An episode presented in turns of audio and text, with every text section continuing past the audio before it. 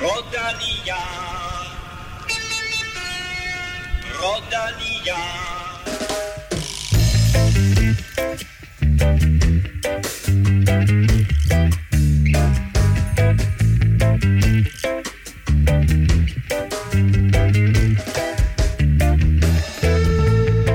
Er dømt gul danskerfest i Frankrig. Først Mads Pedersen og nu Magnus Kort i spidsen for Paris-Nice. Meget mere om det senere. Og ikke en udsendelse uden en dansk sejr, og denne gang med hele tre af slagsen. Strade Bianche blev igen et spektakulært cykelløb og fik for 6. år i træk en førstegangsvinder, da Tom Pitcock kørte første år stregen. Øh, og så blev det faktisk også til en dansk sejr i Strade Bianche. Det kan du også høre mere om lidt senere. Og med det velkommen til mine eksperter ud i hvide veje og sort humor. Kim Plesner og Stefan Djurhus. Hvad sker der lige for Danmark i Paris-Nice? Ja, vi, vi ejer det. Stort set. Ja, Frankrig. Hører I med Norge? Ja, jeg, synes, øh, jeg synes, det er sløjt, at vi ikke har ungdomstrøjen også. Well, der har, er lidt... Vi har Gregor i prikker. Ja, Vi har Mads P. i grønt, og nu Magnus Kort i gult. ja. ja det, er, det er de toneangivende trøjer. Så Det- øh, det, det er usandsynligt. Vi, vi, altså, vi havde jo snakket lidt om den her grønne trøje, der har skiftet farve, som vi måske også kommer ind på senere, og sagde, at det kommer til at give helt sig selv, og den skal vi tale om, fordi Mads P. kommer i den.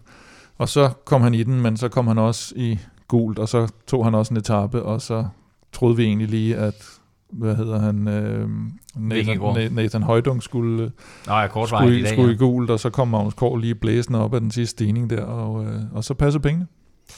Sådan, vi kommer til at tale om det hele senere. Vi skal også tale om Tirreno Adriatico, der begyndte i går mandag, og hvor anden etape fik en vild afslutning i dag. Og så skal vi naturligvis omkring den her tredje etape i Paris-Nice, altså den meget omtalte holdtidskørsel med nye regler, der endte med, at Magnus Kort kom i gult. Vi skal også quizze, vi skal uddele en kop til en af alle jer dejlige mennesker, der støtter på tier.dk. Og jeg kan godt love jer, at øh, vi har rigtig, rigtig mange fede præmier til jer i dag. Kort fortalt, uden jer, der støtter, ingen vil Europa podcast. Tak til jer alle, øh, der, og især jer, der har været med i lang tid, men også velkommen til Sebastian, Anders, Nordahl og mm, Meta Gulfi. Meta Gulfi? Meta Gulfi? Eller i den retning. Meta Gulfieren. Der kunne bare ikke stå flere Jeg vil dog også lige sige, at vi har mistet en hel del støtter her per 1. marts, og det kan med stor sandsynlighed være, fordi øh, dit kreditkort er udløbet. Så tjek meget gerne det, og så opret dig igen øh, inde på tier.dk.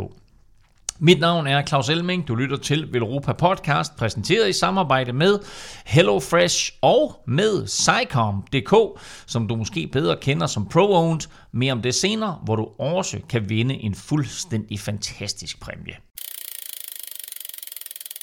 Det er syv dage siden vi var her sidst, og på de syv dage, der har vi tre gange haft en dansker øverst på skammen. Naturligvis Mads P.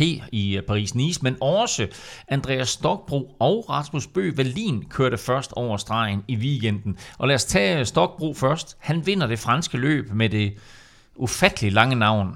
Grand Prix de la Vie de Lillère Souvenir Bruno Comini. Ja.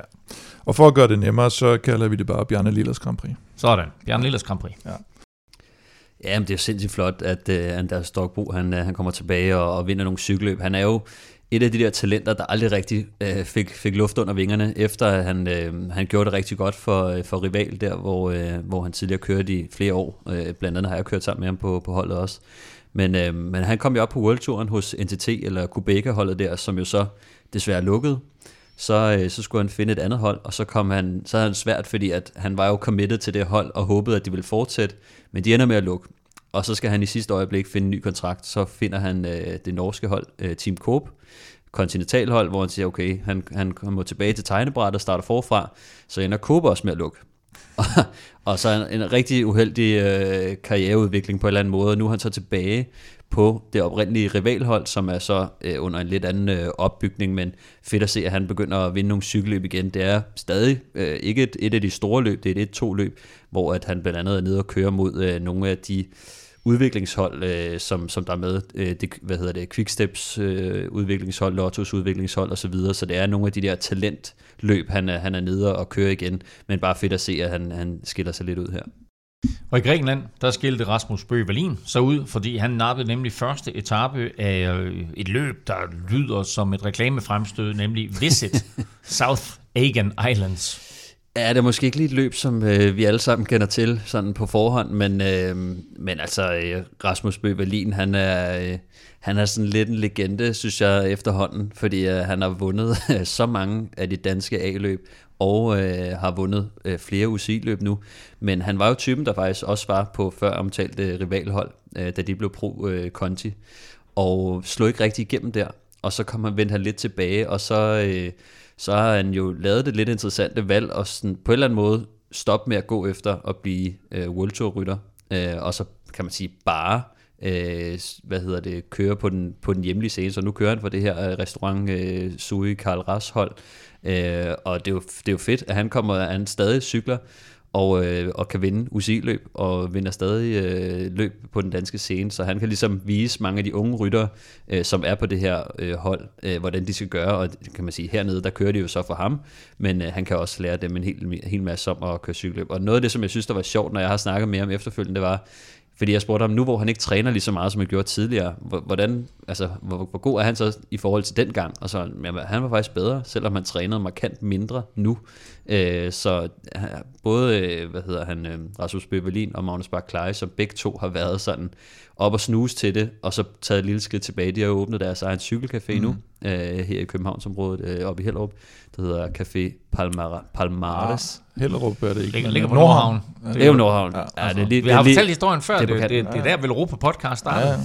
Og der er jo også, det er man rigtigt, kan ja. sige, det er jo det er fuldstændig samme uh, historie, har jeg jo haft. Uh, jeg opgav også håbet om en World Tour kontrakt og startede en cykelcafé.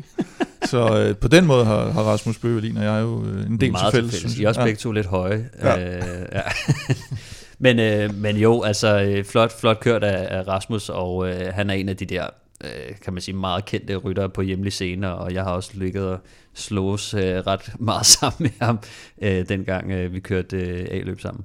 Lad os da bare håbe, at det giver øh, de to øh, yderligere chancer for at køre nogle lidt større løb, og så øh, lad os håbe, at de også kan gøre det godt der. Med de to sejre her, og masse sejre, øh, der er vi nu op på 14 danske UCI-sejre i år. Næstbedst af alle nationer, kun overgået af Belgien. Øh, ganske enkelt imponerende. Øh, fra danske vinder, der skal vi nu til dagens vinder i quizzen. Og øh, Kim, du sagde sidste uge, at øh, du svarede på alle de svære spørgsmål, ja. og Stefan svarede på alle de nemme spørgsmål. Så det er du i dag. Du fører 3-2 efter fem udsendelser. Ja. Og øh, hvis det skal gå, som det har gjort indtil videre, så er det jo så tid til Stefan for udlignet, og derfor så har jeg lavet et super nemt spørgsmål, ja. som du så kan bruge over bagefter. Præcis. Og øh, vi skal ikke tale Paris-Nice. Nej. Vi skal derimod tale det andet store etabeløb, som begyndte i går, nemlig Tirreno Adriatico. Og spørgsmålet er simpelt. Hvor mange gange har vi haft en dansker på podiet? Det havde været noget sjovt, hvis du sagde det til Paris-Nice, fordi det tror jeg aldrig, vi har haft. Mm. Det, det havde været et godt trickspørgsmål. Ja. Men det er det samlede podie, det er ikke etapevinder eller noget, det er det samlede podie. Det samlede podie. Hvor mange gange har vi haft en dansker på podiet i Tirreno Adriatico? Er spørgsmålet forstået? Ja. Så har jeg kun én ting til jer to, og dig, der sidder og lytter med. Lad nu være med at google. Tom Pitcock diventa il primo britannico della storia a vincere la Strade Bianche in Piazza del Campo sotto la torre del Mangia. Little Tom da Leeds Peters si prende Siena. Little Tom gjorde det. Han vandt Strade Bianche, og dermed så blev han den første britiske vinder af ny, nyklassikeren på øh, de hvide veje i Toskana. Og han har måske kigget til det Pogacar lidt i kortene, fordi han stak af, Stefan, nogenlunde samme sted, som Pogacar gjorde sidste år. Ja, det, det, det kan man sige. Det er jo det her øh, øh pavé-stykke øh, Mont, øh, Monte Sante Marie, som, øh, som ligger rimelig godt i forhold til at starte finalen. Øh, det der 50 km fra mål, det er et meget langt øh, grusstykke, og der er også nogle stigninger i starten, og, og når man så kommer ud af det, så er der også en god nedkørsel på, så der er, sådan, der er ret mange momenter, og det ligger sådan ret godt, så, men altså, jeg vil sige, han gjorde jo ikke præcis som Pogacar. Pogacar, han kørte jo solo sådan i den første del af det, øh, Pitcock, han, øh, han kører jo op til øh, Alberto Bettiol og Andrea Baggioli, mm.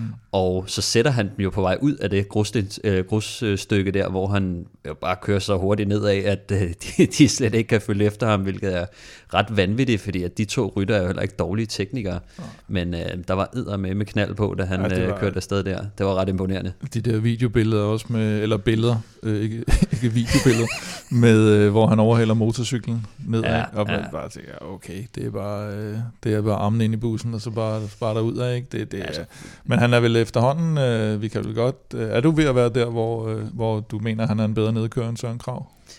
Altså jeg vil sige, altså man skal også lige tænke på, det, det, folk kører jo ikke nedad på grus særlig ofte, men det gør han. Ja. Han er jo øh, en olympisk mester i mountainbike, han er øh, verdensmester på cykelcross, og øh, altså han kan det der øh, med at køre på grus også, så, så jeg, havde, jeg havde regnet med, at han ville være rimelig god til at, til at gøre det, på samme måde som øh, hvis Van der Poel eller Wout van Aert måske havde, øh, mm. havde, havde siddet, siddet i den position, men jeg vil også sige, jeg har set nogle videoer øh, af Pitcock, der kører nedad andre steder, bare til træning også, hvor mm. man tænker sådan, hold da fest. Mm. Altså, der var også er en Tour de. France sidste år, var det. Croix de Fer, eller Ja, nu, nu synes jeg, at nu begynder der at håbe sig nogle ting op, hvor jeg begynder at se, Ja. øh, han, er, han er rimelig led. Altså nok også en af de, de bedste i, i feltet, det det der. Ikke? Øh, men når det så kommer til grå, så vil jeg sige særklasse nok øh, Ja. den bedste. Men altså, jeg tror, at det her med Søren er, kommer også lidt ud at jeg har kørt en del gange med ham, hvor jeg har set rigtig mange gange, hvordan han sådan med længder er bedre end mig og alle andre i feltet, mm. øh, når det kommer til tekniske passager, grus og nedkørsel. Så, så jeg tror måske, øh, det er klart, at, at når jeg har set det tæt på så mange gange, så bliver man sådan lidt øh, imponeret over det. Men Pitcock, det var, det var vanvittigt, og det er jo også det, der skaber hele momentet, øh, og det sætter Bajoli og Bettiol fuldstændig øh, i en dårlig situation, fordi lige pludselig skal de sidde og jagte en, ikke? Om, ja. Og, ja, Ja, og, og, og Betjol styrter nærmest lige efter. Præcis. Øh, måske også af, af noget ukoncentration eller udmattelse. Jeg synes, det, jeg synes, det er fedt med det her øh, Monte Santa Maria stykke, som, fordi nogle gange kan man godt have det her med, at, at der er et stykke, der er så definerende, at det altid er der, det bliver afgjort. Lidt ligesom i Flash Vallon, der ved man godt, det er det sidste mål. Men her er det for det første så langt ude, og det er jo 11, et eller andet kilometer langt. Netop som du siger, både med nedkørsler og opkørsler. mm. Så, så det gør ikke noget, at man ved det der, det bliver afgjort, for man ved ikke, hvordan det bliver afgjort her, og hvis du skal køre hjem derfra, så skal du køre næsten 50 km solo. Det var også lige ved at mislykkes for ham, og det, og det lykkedes så heldigvis for ham, eller jeg holder altid med ham, der, der, der tager... Øh, ham der vinder. ham, nej, ham, der, ham, der, ham, der tager initiativet, ikke? Ja. Og så synes jeg faktisk også, at det er sådan lidt af et... Øh, man kan jo selvfølgelig ikke sige, at det er et gennembrud, men det er alligevel der, hvor han går op i den her klasse med sådan nogle typer som Pogacar, Van der Poel, Van Aert, ved at tage den her sejr på den måde, han gør. Han har vundet en masse gode ting før, øh, Alpe d'Huez i turen, og Brabantse og Amstel og sådan noget, eller er blevet to i Amstel. Eller måske etter. Men han har ikke taget hvidt, hvidt øh, fældbånd på. det var en til at hvid sige. ring. Hvid ring. Ja. Men den her måde at gøre det her på, og gøre det færdigt på, og gøre det selv, det synes jeg sætter ham op i sådan en klasse, øh, hvor man siger, okay, nu er han der, hvor de der ting, vi forventede af ham, at det har han egentlig indfriet nu. Og jeg vil også sige, altså hvis, hvis man havde set noget af det der cross-cykelløb øh, og VM, øh, der trak han sig jo for at fokusere på landevejen. Og nu kan man jo også godt se, hvad sådan noget kan betyde med lige at time tingene lidt anderledes. Mm. Altså han kørte ikke cross-VM, øh, det gjorde øh, Van der Poel og Wout van Aert. Ja. De er kommet sløjt fra start, eller starter ja. sæsonen sent, fordi de skal lige have noget tid, noget træningstid til at vende sig til det her. Øh, og, og de er ikke i den form, som, øh, som, vi, som vi plejer at se. Men det er Tom Pitcock, og, øh, og det, det synes jeg, det er fedt at se, at han også, øh, kan man sige, ikke i fraværet af dem øh, nødvendigvis, mm. men at han virkelig viser, at øh, han er god til det. Og så bliver der også altid snakket om, øh, hvad, hvad, kan, hvad kan det ikke blive til for sådan en mand som ham, ikke? Og med den størrelse. Altså, Jo, man begynder at tale uh, Milan Sanremo nedkørsel allerede, ikke, fra, fra Poggio. Uh, ja. der, der, den ligger også lidt til, medmindre Mohoric har taget sin uh, dropper post med der. Ja, det, Du er inde på det, Stefan. Øh, Pogacar var ikke med, Wout van Aert var ikke med, og dermed så var det jo lidt op til nogle af de andre øh, store navne at skabe løbet, men hverken Van der Poel eller Alaphilippe havde kræfterne. Nej, jeg synes især, eller, eller Philippe han var bare væk, kan man sige. Han, han havde, der var på intet tidspunkt, hvor man tænkte, at øh, nu, nu er han ligesom med i spillet. Øh, jeg synes, du havde forudsagt den lidt. Jeg kan faktisk ikke huske, om det var bare fordi, vi talte om det, eller om vi havde, faktisk havde det med i udsendelsen sidst, det her med, at du sagde, at han, øh, han, han vandt jo Ardèche, men så faktisk lidt skidt ud i, i Drom, øh. Drom, Drom Classic Drome. ja. øh, dagen efter, så det, var- det var meget godt forudset for en gang skyld der. Jeg. øh, og så Van der Poel, det var sådan lidt et, han lavede jo det her angreb sådan, øh, lige da de skal til at ud af Monte Santa Maria, men det var så sent, at han vidste næsten godt selv, det her, det får jeg ikke, det får jeg ikke noget ud af, og, og det var også næsten lige før, han var lykkelig over, at der kom nogen op til ham, ikke? fordi han vidste godt, det her, det kan jeg aldrig nogensinde gennemføre, det kunne man jo næsten se på ham. Mm. Det var sådan lidt et skinangreb, og, og han skulle ligesom gøre det for at leve op til, til, til, ja, til Vanderpool. Men der ja, var jeg ikke, tror også, det øh, måske for ham er han nok vant til at sidde med et lille overskud af kræfter. Ja. Men hvis han så angriber, og de andre lukker, og det ser nemt ud, og de så lige pludselig begynder med nogle kontraangreb, så ja. tror jeg, at han mister øh, pusten rimelig ja. hurtigt, eller sådan lysten, fordi at han ved godt, at han har ikke de kræfter, øh, der tillader ham at gøre det, han plejer at gøre. Men altså, jeg synes også generelt, altså det var jo et fedt cykelløb, øh, vi så, ikke? Ja, altså fordi virkelig. at Ja, Pitcock, han sad jo derude lang tid, og, og man tænkte jo nu, de kom jo så tæt på ham. Altså, det Mm. var jo sådan, at de sådan rigtig gav slip på ham, Mm. øh, og kom jo altså så tæt på ham, som man overhovedet kan komme. Og hvis, han havde, hvis Pitcock havde kigget sig over skulderen, øh, så tror jeg, han havde også øh, mistet, øh, mistet håbet. Ikke? Ja. Men, øh, men det var fedt, at han, han fortsatte på den. Men jeg vil så til gengæld også sige, når man tænker på, jeg synes, der var nogen, der snakker lidt om, om det var den fedeste version, øh, der har været. Nej, det kan Og man det- altid diskutere. Men det var, jeg synes, det var godt og spændende, og, og, og, og, og på trods af, at han kører så langt udefra, var det langt mere spændende og afvekslende end sidste år, hvor Pogacar kører, hvor den blev, Ja. blev låst meget. Enig. Og så havde du Askren og Valverde, der lå sådan lidt på mellemhånd, og du vidste, det sker der ikke rigtig meget ved Mm. øh, i resten af løbet. Her der var det sådan lidt, okay, hvem smelter sammen af de der grupper, hvad kommer, Mm. mm. og, og så angriber Van der Poel, okay, han kunne ikke, øh, Betjol så godt ud, så styrter han, så er der nogle grupper, vi kommer tilbage til Andreas Kron, tænker jeg også, øh, kommer også afsted. Øh, og det, som du siger, så ligger de tæt på, så, så det var aldrig givet, hvad sker der egentlig i finalen her? Nej. Øh, Før, før til sidst, der var han så langt Men det var foran, altså det den der finale der, den blev mm. jo ikke. Altså det, det var meget, meget tæt på, at den blev spændende. De havde kun 7 sekunder op, men altså så gik der jo skud og mudder i samarbejde, Ja, da der, de gik, nærmede sig. øh, der gik øh, ikke skud Der mod, blev, der øh, gik, der gik Rui Costa i den, vil jeg sige. Ikke? Øh, og, og Rui Costa, han er jo simpelthen den her wheelsocker, der, der aldrig nogensinde tager en føring, og som, øh, men så til gengæld, når der er nogle andre, der kører, så går han med hver gang og lægger sig på hjul igen. Og man kan sige, havde de siddet i en finale, den her gruppe 2, så kunne det have været en meget god taktik, han havde lavet, og så har han måske haft kræfter til sidst. Mm. Men når det her handler om, at inden de skal til at køre finale, så skal de jo ligesom op til Pitcock. Så hjælper det jo ikke at sidde og molestrere hele det er forfølgerarbejde, fordi der er han jo nødt til på en eller anden måde at bidrage til den gruppe. Hvis de så henter Pitcock, så kan han køre sin taktik, ikke? Mm. Men det giver jo ikke rigtig nogen mening at sidde og køre den her, øh, øh, med mindre, ja, at, at der sker et eller andet meget, meget heldigt, og, og, og super fedt, at han blev fire med mindste marginal. Ej, det vil jeg sige. Ej, jeg vil også sige, altså der, der blev dolket hinanden i ryggen rimelig groft, ikke? Og, og jeg synes også, at der var måske lidt mangel på samarbejde mellem Tis Benot og Attila Walter, fordi at Ja, det så også lidt Men- mærkeligt ud. Attila Walter så sindssygt stærk ud ja. Langt stykke hen ad vejen, indtil lige pludselig, øh, så brændte han bare sammen. Og, så så var fik det også lov at, at ligge og arbejde lidt for Benot, fordi Benot, han øh, rystede arbejde, på hovedet arbejde, af ham. Altså, der, de, de rykkede på skift, ja. Altså, hvor man kan sige, at Attila Walter lignede jo den, der havde mest skud i den faktisk langt Det var derfor, Benot ikke ville have ham op, jo. Fuck, mand. Men, øh, men altså, ja, fed finale mellem dem, og, og altså, det kunne også på en eller anden måde, så det var, jeg, man sidder jo og holder med Tom Pitcock, men jeg sad også på en eller anden måde og tænkte sådan, det ville også være fedt at se dem blandt kort igen. Og få altså, en fuld finale der, ja, ikke? på Ja, anden helt måde. klart. Men, men, øh, ja, men, men hatten af for Pitcock og, øh, og, og det stykke og det mod, han viser, det synes jeg er fedt. Og det, det der med, at de ikke aner, altså på, det tidspunkt, så angriber Mohodic og ser ud som om, at han er ved at knække de andre, og så bliver han sat på den næste bakke mm. og sådan noget. Det synes jeg bare, det er jo fedt cykelløb, også fordi at de ikke aner, hvor meget de selv har tilbage i tanken, og lige pludselig så, øh, så rammer den bare, ikke? Og det er lidt usædvanligt, fordi løbet er jo kun, de har godt 180 km, ikke? Ja.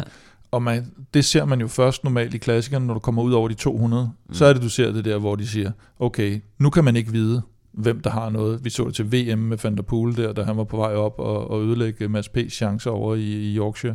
Mm. Og han bare kolder fuldstændig.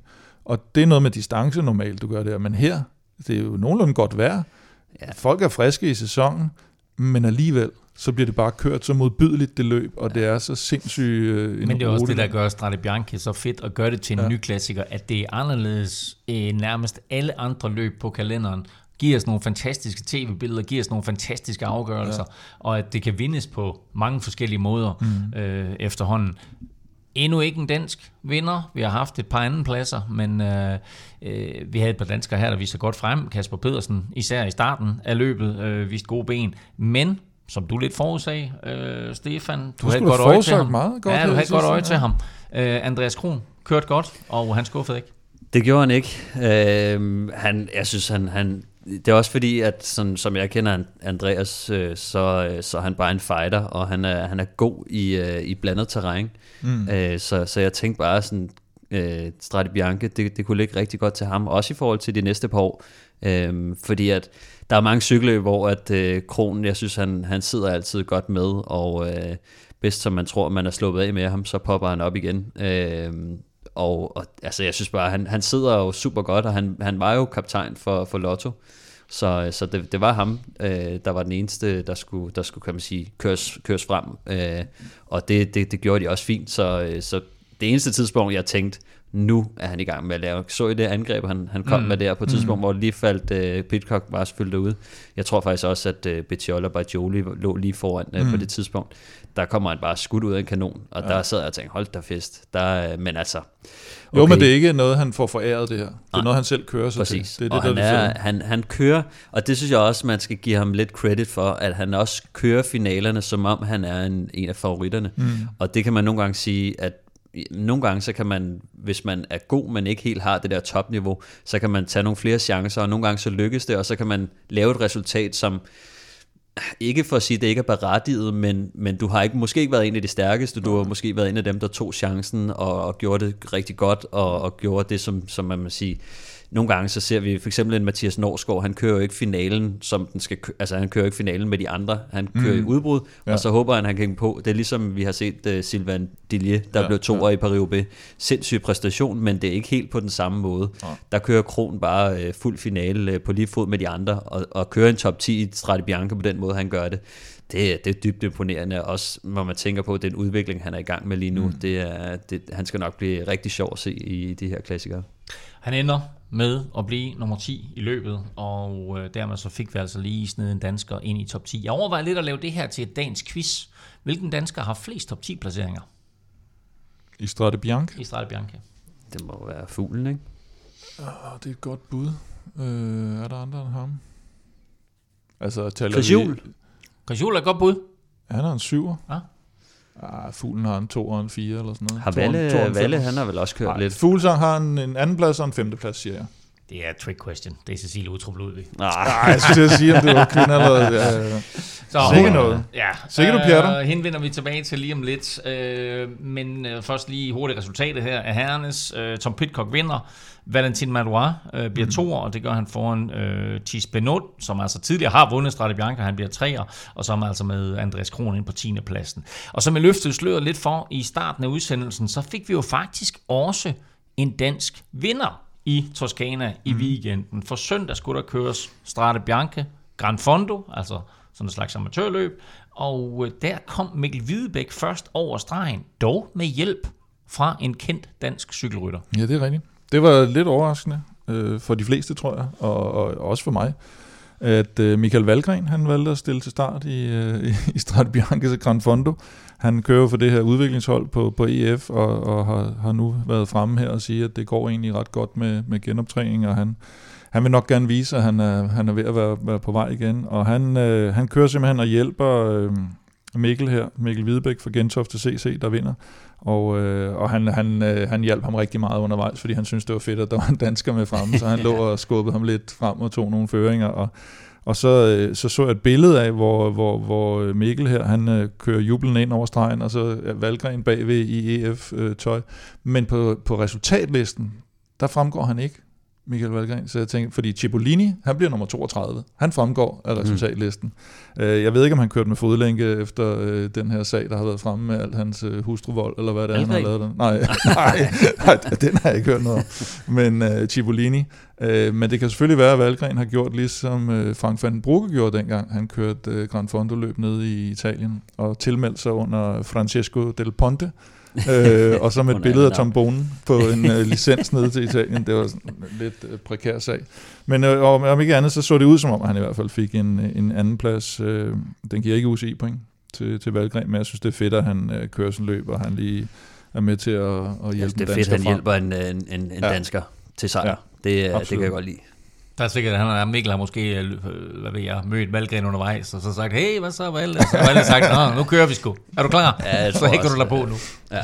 Men altså, øh, Mikkel Hvidebæk fra, fra Gentofte Cykelklub øh, vinder Strade Bianca for, hvad, hvad skulle man kalde det, amatører, eller Grand Fondoen i hvert fald. Mm. Hos de professionelle kvinder, der var der drama på stregen, fordi sidste års vinder, Lotte Kopecky, hun tabte nemlig en spurt med, ja, øh, den hvide ring på dækket mm. til sin holdkammerat Demi Follering.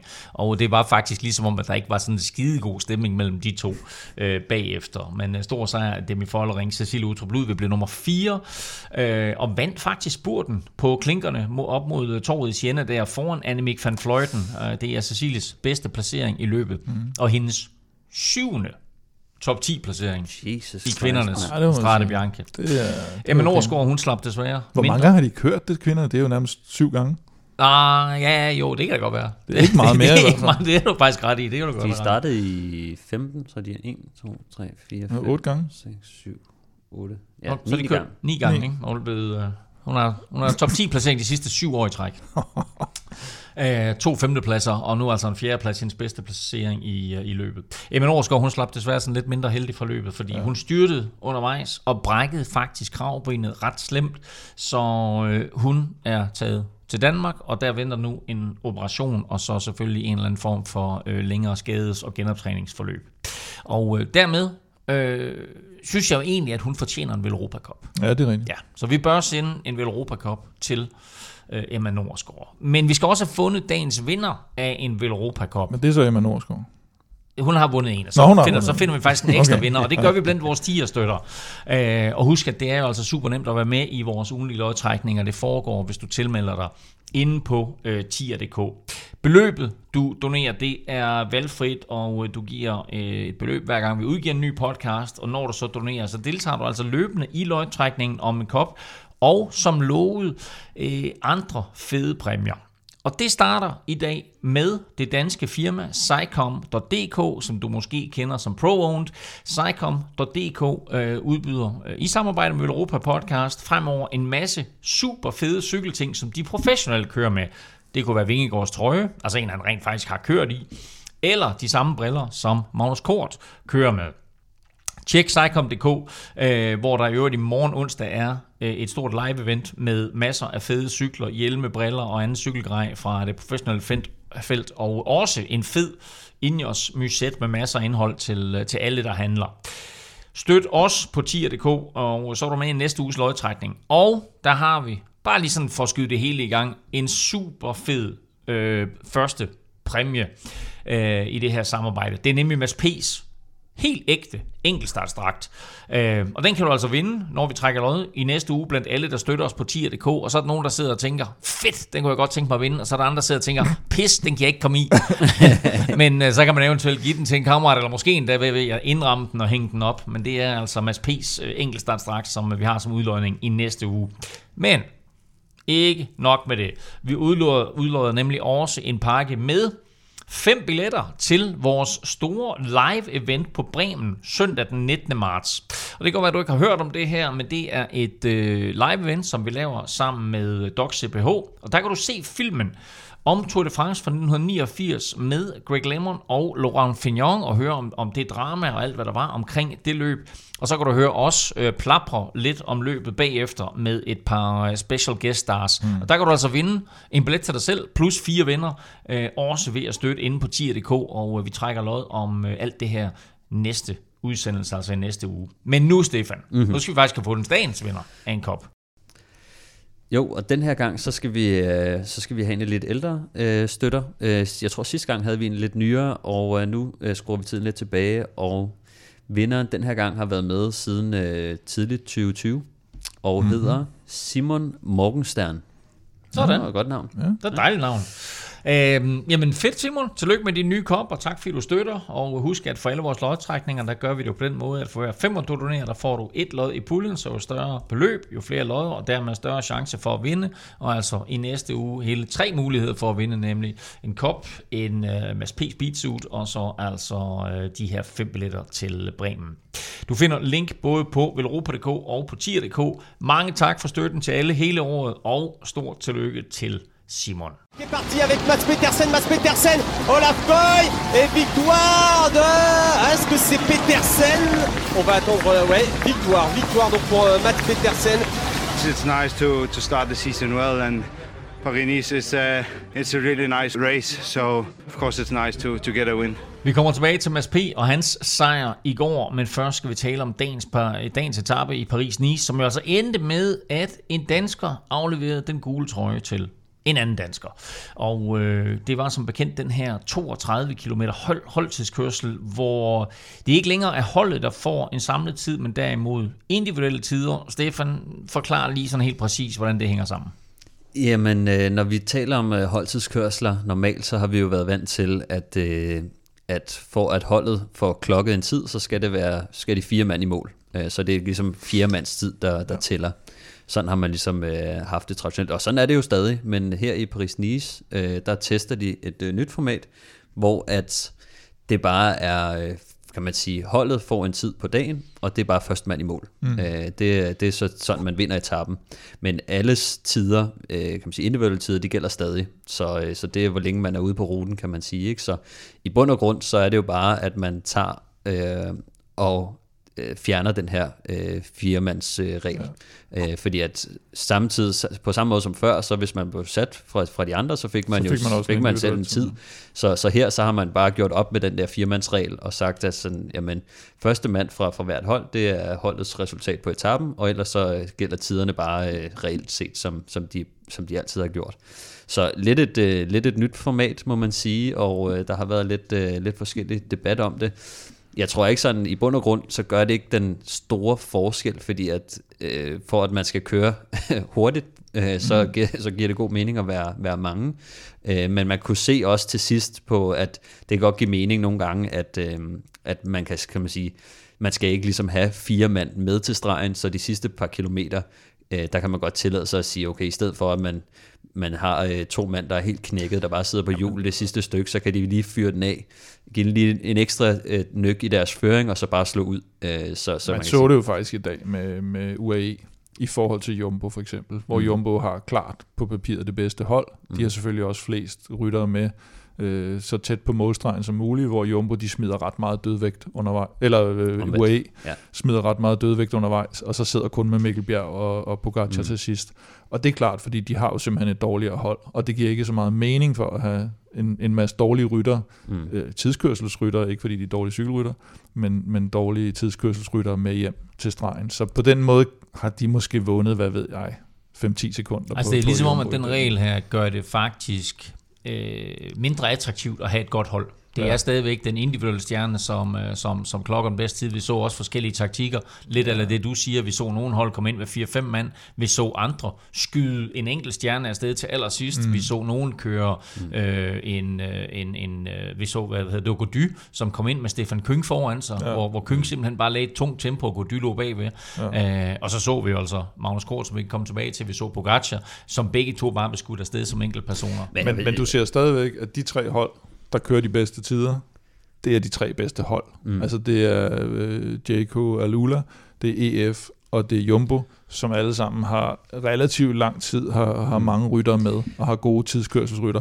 men de kan måske begrænse noget tidstab øh, de lidt dårligere hold, fordi de, altså Mads P. og, og Skjelmose røg også afsted til sidst, og det vil sige, de tabte faktisk ikke så meget tid, så vidt jeg husker fra mellemtiden og til mål. Ja. Øh, men, men det er stadigvæk de gode hold, der vinder, men, men forskellen bliver måske mindre. Ja, altså, jeg kan sige, man kan også køre mere satset, fordi at du ikke behøver, altså man, når man skal være fire mand, så bliver man nødt til at passe på en kerne og sige, ja. jamen vi, vi må ikke gå så meget øh, over grænsen, fordi at der skal man lige passe lidt på. Her der kan man faktisk godt tage chancen, og så sige, okay, altså det kan være, at vi med tre mand eller to mand kan faktisk køre hurtigere de mm. sidste par kilometer, øh, men som Kim også siger, altså, det, altså man kører stadig hurtigere, når man er flere mand, og mm. det er altid vigtigt at have øh, i hvert fald en eller gerne to, tre ryttere, som virkelig kan, kan træde igennem. Og det er også det, vi ser for for eksempel øh, Francis Deschamps, de har Stefan Kyng, mm. øh, og de har også nogle andre øh, gode, men man skal have en spydspids til at sætte tonen, mm. Mm. Og, og til at tage, øh, hvad hedder det, kan man sige, det meste af arbejdet. Der havde vi på UAE, havde, var der Mikkel Bjerg, øh, som mm. gjorde det overdrevet godt for, for, for dem, og nærmest følger Pogacar til dørs, ikke? Så, så han er nok den, der har båret meget holdet øh, jo, den ham dag. og der sidder med Pogacar i, mm. ja, det er næsten inden for de sidste 5 kilometer eller sådan noget, ikke? Mm. Hvor, de, hvor de er nødt til at tage det. Men igen, hvis de skulle have haft nogle af de her relativt dårlige tidskørselsrytter med der, så havde de fået en dårligere tid, ikke? for så skulle de simpelthen sidde og vente på dem, og det, de kunne ikke køre i det tempo ja. der overhovedet. Man slipper, så, hvis du så Jake Alula, og du så øh, Jumbo, øh, eller to andre mandskaber, så havde de væsentligt hurtigere tid på fjerdemanden, end UAE havde. Mm. Ja, ja, ja, Men det er jo der, absolut. hvor reglen pludselig kommer Pogacar det går. Ja, ja, selvfølgelig. Ja, det, gør lidt, det giver lidt mere fleksibilitet, og mm. man, man har mulighed for at satse lidt mere. Og så kan man sige, øh, som flere også har talt om, at der, hvor det virkelig kan, kan begynde at give noget, det er jo, hvis du har en anderledes form for rute, end den her, hvor, som er relativt flad. ja. Hvis du lige pludselig har en stigning. Til en, sidst. Ja, både til sidst, men også undervejs. Sådan, hvad så? Ja, ja. Smider du så Ja. nogen der, og så kommer der også noget med cykler ind lige pludselig, Men- hvis du har, øh, jeg skal synes, du køre på almindelig cykel. Med, at ruten skulle være helt flad, og der kom der alligevel den der Ja, der er en stigning lille, til sidst, ikke? øh, lille mål, mål, målbakke, ikke? Men, men ikke, det er jo ikke et bjerg til sidst. Det er ikke sådan 5 km øh, opkørsel til sidst. Så, så havde vi set noget helt andet. Og så var, så var både Vingegaard og, og, og Pogacar var jo bare kørt afsted så der, ikke? Øh, Og alle, alle kaptajner. Og der var netop dyret. talt meget om den her Mano Amano dyst mellem Pogacar øh, og Vingegaard, altså vel at mærke en dyst, hvor de kørte for hver deres hold og altså ikke kunne se hinanden. Øh, og selvom Jumbo Visma vinder etappen mm. og gør det med 23 sekunder foran UAE, og dermed så tjener Jonas Vingegaard altså 23 sek- øh, sekunder i forhold til, øh, til Pogacar. Øh, så er dagens overraskelse, og dagens mand i skysovs, en øh, lyserød rytter med et, med, med et lille overskæg, som skifter den lyserøde Ah, trøje lille overskæg, det synes Ej, jeg... det, det er- blev en rigtig, rigtig fin pelslæb, Ja, det er det, det. der. Det er jeg af en give ham. pelslæb. Men prøv at Magnus Kort. Og kæft, mand. Er det gult? Ja. Men han, øh, vi var nødt til at, at, at, at holde, den, holde til- den trøje der, ikke? Nej, jeg tror, de fleste havde nok tænkt, at, øh, at nu, øh, nu er det løb kørt, og Jumbo vinder den, og de havde selvfølgelig en fornuftig mellemtid af EF, og de har kørt rigtig godt i, i sæsonen. Øh, Nelson Paulus har, har, har kørt øh, virkelig godt på, på de første etaper også, eller øh, den første etape, hvor han var ude i sådan lidt et, ja, det blev lidt, øh, lidt hovedløst udbrud måske, men det viste i hvert fald, at han havde øh, power i benene. Så, og de er netop også nogle, øh, de har nogle gode cykler, de har et godt hold, de kan køre sammen, og de kan holde sammen i et godt stykke tid, og så har Magnus jo den her finish, der gør, at ja, han vinder jo med cirka, eller han får føretrøjen med cirka et halvt sekund. Ja. Og hvis ikke han havde haft den afslutning, han havde der, og skulle have haft alle mulige med, så havde han aldrig nogensinde kommet i Altså, føretrøjen. jeg, jeg vil også sige, når man kigger på deres hold, altså de, de er bedre, end, end man lige skulle tro. Øh, mm. det, på samme måde, når man kigger på sådan et som Jaco Alula-holdet, de har også bare nogen, der har kommer fra banen, mm. eller et eller andet. Du ved, de har en, en god sammensætning og vant til at køre de her. Hvis du kigger på, på EF's hold, så har de jo Stefan Bissiger, som jo mm. nok er den stærkeste mand. Men så har de også en mand som Tom Scully, som nok mere er en klassikerrytter, men han er så kæmpestor, at, øh, mm. altså, at de, de må elske ham. Altså hans holdkammerater Lige elsker gemme sig ham. bag ved ham. Præcis, at han giver så meget læ, og det er jo Ja. nogle gange er det irriterende at have et, et hold af små ryttere, øh, mm. eller have for mange små ryttere, fordi at det giver, øh, det giver meget øh, vind til de andre, kan man sige. Ikke? Så det, det er meget godt at have øh, et par store øh, basser med, som kan virkelig give noget læ til nogle af de andre. Øhm, og, og der kan man se, Tom Scully er med, øh, som du nævner, Nelson Paulus, bare i sindssygt god form. Så har de Owen Duel med, mm. som jo også kommer fra banen i, øh, fra Storbritannien. Så han er også vant til den der disciplin. Så på en eller anden måde, så, så synes jeg, sådan, når man kigger på sammensætningen af dem, så er de sådan sneaky gode, øh, og materialet er også bare i top. Så, mm. så, så det, det var ganske imponerende, at EF de kommer ind og er meget tæt på, på, på sejren, Ja, men, men til gengæld så får, øh, får øh, føretrøjen til Magnus. 1 sekund og 44 hundreddel var øh, EF efter Jumbo, og Magnus sagde også i interviewet bagefter, at han ærgede sig lidt over, at de ikke lige havde fundet det der halvandet sekund øh, ude på ruten et eller andet sted, at de også havde taget øh, etappesejren at han altså i går så nøjes med at trække i sin, øh, sin første gule trøje. Øhm, efter etappen, der stod det så klart, at øh, Jonas Vingegaard øh, er samlet 11 sekunder foran Tadej Pogacar. Øh, men vi har også set på de første to etaper, at Pogacar vil vinde Paris-Nice, og han vil gøre det på en måde, som måske ikke er specielt uortodox netop i det her løb, nemlig ved at indsamle bonussekunder undervejs. Ja, altså vi, vi talte jo også om det inden øh, Paris-Nice gik i gang, at, øh, at hvis Pogacar skulle have en chance, så skulle han ud og hente alle de her bonussekunder, fordi at han forventeligt ville tabe lidt på, på den her holdtidskørsel. Øhm, der er jo det, at øh, kan man sige, 11 sekunder er ikke meget, specielt ikke i, i det her øh, Paris-Nice, fordi at, øh, som vi også lige talte om inden øh, udsendelsen, så i de indlagte bonusspurter, så er der jo lidt flere bonussekunder på dem, end der normalt er. Øh, normalt så er det jo 3-2-1, og nu i år er det 6-4-2. Mm.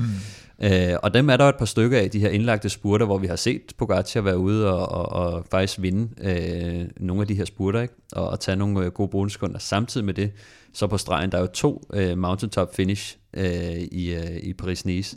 Der er 10, 6 og 4 sekunder.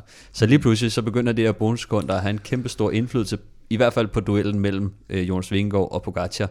Så lige nu, med som vi kender Pogacar og Jonas Vingegaard, så er Pogacar måske en lille smule hurtigere på stregen. Så man under turen i de første etapper dernede også, Præcis. at, at da de kom samlet hjem, så øh, der var en, hvor Jonas prøvede at få skovlen under ham, ikke? Ja, og så ja. kommer han tilbage igen. Og, Den, den er ikke givet. Han, han, han at- vinder 9 ud af 10 af de der, hvor de kommer sammen til mål i hvert fald. Ikke? Ja, hvis det ikke er, altså jeg vil sige, den, den ene etape, hvor der er lidt længere bjerg, mm. ret lang bjerg, de slutter på, der kan man håbe, at Jonas måske, hvis øh, styrkeforholdet tillader der form og så videre, at han måske kan sætte Pogacar under pres, og måske vinde ja. en spurt, eller måske endda sætte ham. Ja. Men, øh, men, men det bliver svært, fordi at vi, vi, vi kommer nok til at se Pogacar støvsuge øh, lidt mange bonussekunder, kunne man frygte, men altså, det er, jo, det er jo igen, det er jo Jumbo i den gode situation, de kan køre defensivt, de kan lade udbrudende sejle, det er UAE, der skal bruge en masse kræfter mm. på at køre sig frem til de her bonusspurter, det kan være besværligt, øh, vi kan se, at andre ryttere sætter deres sprinter til at køre det der, for at fuck det op for, for Pogacar, mm, så jeg tror også, at Jumbo, de kommer også til at sætte nogle mand øh, til at gå i udbrud, Ja, måske til at nogle- køre efter de der bonussekunder, ikke?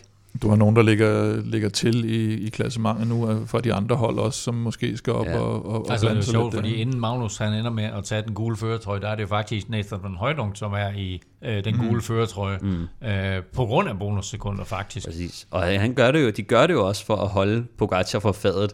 Man kan sige, der, der er noget grønt trøje, der er nogle sprinter, der måske skal, øh, nu er den ikke, der er ikke super meget prestige i, i den grønne trøje, ikke for at tale den ned, men det er ikke sådan ligesom i Tour de France. Øhm, så der kommer til at være nogle sprinter, der går efter den, der kommer til at være nogle udbrud.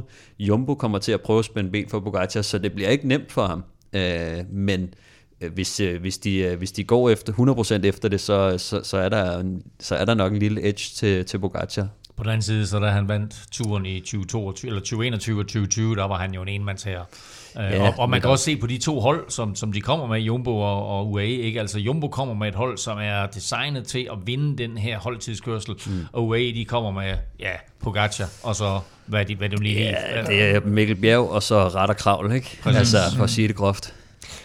De kunne godt have brugt nogle, brugt nogle lidt større tempomaskiner på Trek, øh, fordi de havde jo den gule føretrøje. Mads kørte jo den her øh, holdtidskørsel i den gule føretrøje. Et smukt syn, og et syn, som øh, jeg tror, han godt kunne vende sig til, øh, og se sig selv i spejlet mm-hmm. i, i, i gult. Øh, men det betyder faktisk, at EF taber 45 sekunder, og vi havde jo lidt håbet på, at Mathias Skelmose...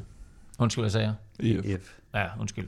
Det betyder, at Trek mm. taber 45 sekunder, og vi havde jo lidt håb på, at Mathias Skelmose kunne blande sig øh, i topstriden, øh, når øh, hvad hedder det, Paris-Nice skulle afgøres. Øh, 45 sekunder, det er trods alt en hel del, han skulle ud og hente. Ja, det, det er selvfølgelig meget, også når man ser på, at det ikke er det Simon Yates, der også ligger lidt deroppe af og sådan noget, så, og, og du har Ja. Vingegaard, du har Pogacar, så, så sådan noget podie bliver- begynder at blive svært, men, øh, men mindre kan også gøre det for ham, og jeg tror, eller ikke tror, men, men for ham vil det jo bare være vigtigt at vise, hvad han kan nu her, når de kommer til bjergene. Det er jo der, hvor han skal. Nu har han kørt noget lead-out for Mads P., som han har gjort rigtig godt, og gjort det godt i dag på holdtidskørselen. Det, det er, hvad det er.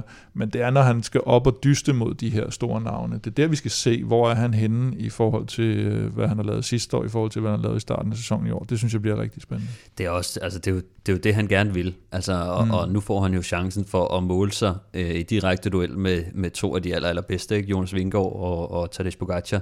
Så jeg tror, en top 10 øh, er realistisk for, for Skjelmose. Altså, han, han har ikke tabt øh, så meget tid endnu, mm. at, det, at det ikke er muligt, når man kigger på klassementet, dem der ligger foran ham. Der er selvfølgelig et par, par stærke navne, men der er også nogen, som, som slet ikke kan, kan klatre. Ja, altså, ja, vi snakker om, øh, der er også sådan en som Tratnik, han er stærk, øh, men han kommer nok ikke til at gå efter det øh, på Ej, samme måde. Så, så der er hjælperytter, der er enkeltsejrsrytter, der ligger foran. En top 10 er bestemt mulig, men det bliver spændende at se, hvor, hvor langt kan han øh, følge de her gutter, øh, fordi at, jeg tror, der er ingen tvivl om, at, at Skelmose han kommer til at blive en klassementsrytter en dag, men hvor er han lige nu? Det, det tror jeg bliver spændende for ham og for os at se. Ja, og hvor meget, øh, hvor meget kigger de andre efter ham? Altså, de kører jo meget på den her Ja. duel mellem øh, Vingegaard og Pogacar. Kan han få lov til at de siger, at han er, han er et minut efter, eller sådan noget, ikke? Så han kan godt lige få lov at køre lidt. Hvis han kan sidde med i finalegruppen øh, og har lidt overskud, mm. hvis øh, Pogacar og Jonas Vingegaard kigger meget på hinanden, som de helt sikkert kommer til at gøre, så er der jo, altså jeg tror Yates er jo også typen, der kunne finde på at, mm. at udnytte de der situationer, ikke? Men, men der skal Skjelmose være, være lidt fræk, og der tror jeg også godt, at han kunne få, øh, han kunne få øh, kan man sige, et, et lille forspring for æret i ny og næ, ja. Hvis han kan komme med ind i finalen. Og sådan øh, apropos Trek, så synes jeg, at øh, vi nu skal tale om Mads Pedersen og øh, hans fuldstændig fantastiske sejr på anden etape. 164 km fra Bassanville til Fontainebleau, øh, der sluttede med en lang spurt, hvor han bestemt ikke var favorit. Øh, jeg tror faktisk, han kaldte det en lortespurt inden etappen. øh, men danske Mads vandt alligevel og sikrede sig både den grønne og den gule føretrøje, som han så måtte give til Magnus i dag. Men altså Stefan, var det her et nyt niveau, som Mads lagde på? Jeg vil faktisk ikke sige, at det er et nyt niveau, øh, men det er ikke fordi, det ikke er øh, super imponerende, det han er gang i, men, men vi kender, altså han har også været med på, på spurten øh, på Champs-Élysées, ikke? Mm. Så, så det er ikke fordi, han, han kan man sige, han bare blevet det hurtigt, men det blev en sindssygt hård spurt. Det var en sindssygt hektisk spurt også, og når man kigger på resultatlisten bagefter, der var mange af topsprinterne, der faktisk ikke helt kom med øh, til sidst. Altså Tim Malier og nogle af de her gutter, de, de var altså ikke i position til sidst. Så jeg tror, at den her spurt øh, handlede rigtig meget om øh, positionskampen, timingen, øh, og så bare råstyrke. Ja. Og der, der ligger Mads rigtig godt øh, i de der, og jeg vil også bare sige hatten af for, for Trek-holdet, som med Skelmose, og så Alex Kirsch, gør mm. et fantastisk stykke arbejde i forhold til at positionere øh, Mads øh, helt ideelt. Men også Mads selv, fordi, og som du siger, altså han, han har jo bare fået en position i det her øh, øh, felt og en, en mm. status, som gør, at han, øh, han, kan, han kan gøre rigtig meget, og han gør det også bare. Ikke? Slukker du for din... Øh... øh, jeg synes specielt den episode, man så, i, og det var en total modbydelig øh, positionskamp, nemlig op mm. i det her, og, og, og det er derfor, de mange af dem ryger, ryger tilbage. Han ligger på et tidspunkt ude i højre side bag hele DSM-holdet. Mm. Og en af de her DSM-rytter er ved at køre ud i grøften. Det er så en venstre og, side, og, men højre, ja, når du kigger på tv, ikke? Ja, ja. ja præcis. øh, nej, højre faktisk, fordi man så det op fra øh, fra kamerabilledet, så det er ude i højre side. Og, øh, og en af de der DSM-rytter er helt ude, og, og man tænker, at han kommer aldrig op på asfalten igen. Så kommer han op igen, og der er ikke plads til højre om dem. Så kører Mads højre om dem, mm. fordi Alex Kirs ligger over i venstre side. Så kører han frem, og det ser ud som det letteste i hele verden, forbi de her, jeg tror, fem DSM-rytter, hele vejen ind foran feltet. Lad sig lige falde tilbage. Mm. Der ligger Kirs ind bag ham og en anden rytter. Og så ligger han der. Okay, så er vi på plads. Ja. Og det er vanvittigt chefagtigt at gøre det der. I, i så sindssyg en ja. positionskamp, og så sådan en virvar, der var der, som gjorde, at ja, tre-fire af de store sprinter, de kom slet ikke frem. Ja. Og du, altså, ikke for at tage noget fra Magnus Kort, men han er også en stærk øh, rytter, mm. øh, og måske ikke den bedste til positionskamp, men, men får altså møde sig godt frem. Når han kan blive træer i sådan en spurt, så siger det også lidt om, at det har været hårdt. Ja, der altså, mangler nogen til sidst. Der, der, det har været hårdt, og, og man, altså, kortene skal lige shuffles øh, rigtigt, øh, fordi man kan nemt blive uheldig i sådan en spurt Og som jeg hørte i dag, så skulle han vist have kørt lead-out, Magnus, men øh, jeg ved ikke lige, hvem han Ja, de er to, ham der ja. Vandenberg også, og de blev, de blev sådan noget 3 og 7, eller 3 og 5, eller sådan ja. noget, så de var sådan lidt... Øh, jeg men tror altså, også, det var svært at se, hvor de havde hinanden, ikke, når de kører sådan double-headed. Også bare lige for, øh, i forhold til det, at Mads han kaldte det en lortespurt. Øh, det er også fordi, at netop i sådan en spurt, som er sådan lidt mere boulevardagtig, brede veje, nu blev det selvfølgelig også lidt hektisk til sidst, men de kørte mm. sindssygt stærkt i lang tid. Hvis man skal være sikker på at have en god position, så er det bedre at have en del ryttere og en del store, stærke ryttere med sig, øh, og det har han jo ikke. Øh, mm. Så derfor så bliver hans, jeg vil sige, han, han skal virke, de skal virkelig være dygtige og gode øh, og smarte og heldige, hvis de skal komme ind i de der rigtige positioner, og det, det var de bare gode til at gøre her. Ja, i modsætning til første etape, hvor han lige mister tråd, ja. så får han lige en, ekstra fordel, fordi han lige kommer rigtigt ud af det sidste sving, og der er nogle andre, der så lige mister netop deres ja. tråd.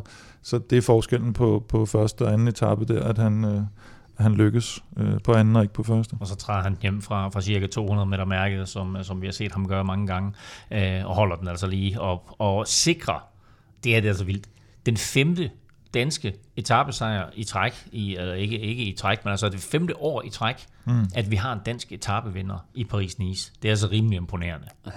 øh, nu er der kørt tre etapper af årets Paris-Nice, og så kommer man lige med en anden rimelig imponerende ting. Den gule trøje, den sidder på Magnus Kort. Mm.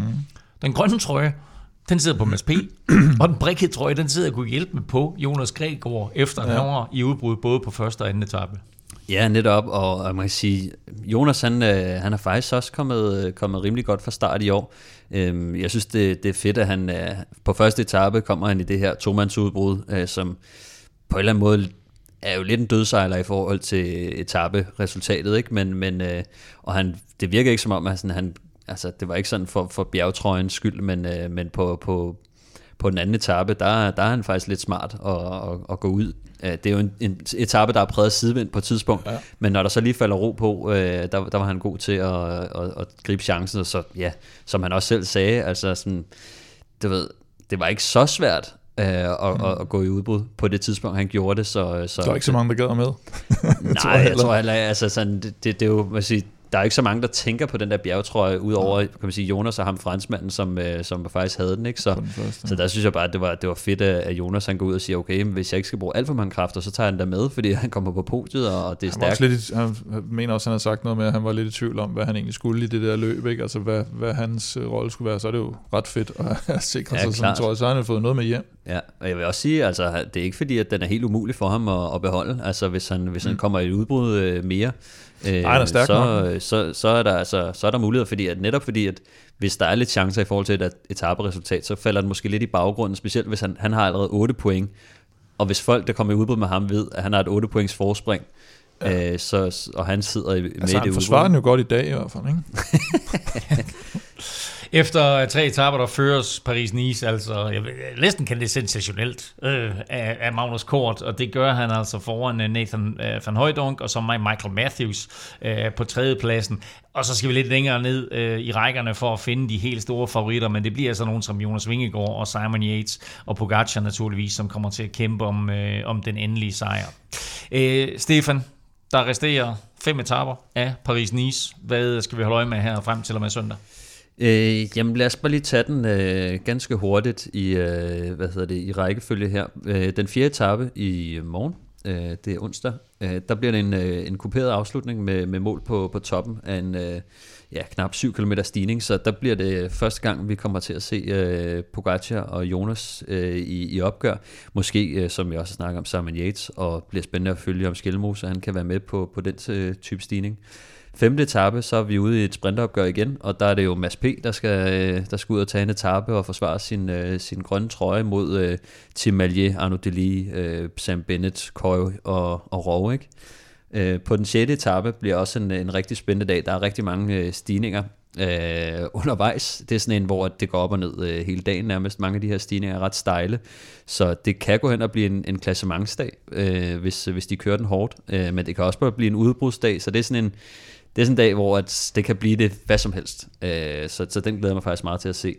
På den syvende etape, der, øh, der er vi ude i det helt store øh, bjergeopgør, øh, hvor de slutter af på en, øh, på en stigning på næsten 16 øh, km lang faktisk, og stiger også sådan rimelig regulært 7 procent øh, det meste af vejen.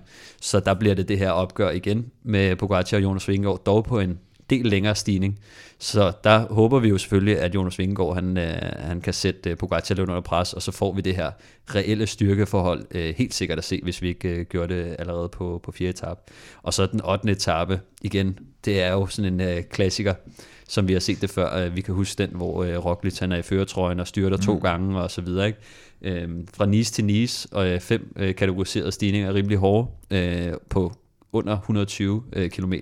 Så en rigtig øh, action-packed øh, dag, hvor at alt kan ske. Vi kan huske, øh, Magnus Kort har faktisk vundet den etape, men det var en noget anden etape. Øh, der var ikke, der var ikke lige så hård, men den var også øh, ret underholdende i øvrigt. Jeg har Men, været foran øh, Laporte, mener jeg. Ja, præcis. Øh, men nu er de altså vendt tilbage til den her Nice til Nice etape, ja. som, øh, som også øh, slutter jo ikke på toppen af en stigning, men, men der kommer øh, der kommer knald på fra start Ja, til der slut. har været nogle versioner, hvor netop det her, hvis det hele er i spil til mm. sidst, kan jeg kan huske den der, hvor var det Contador og alle mulige, der lå og kæmpede, og så vandt øh, ham amerikaneren, øh, nu kan jeg ikke huske, hvad han hed, øh, Tom Daniel, nej, det hedder han ikke, Levi Leipheimer måske i virkeligheden.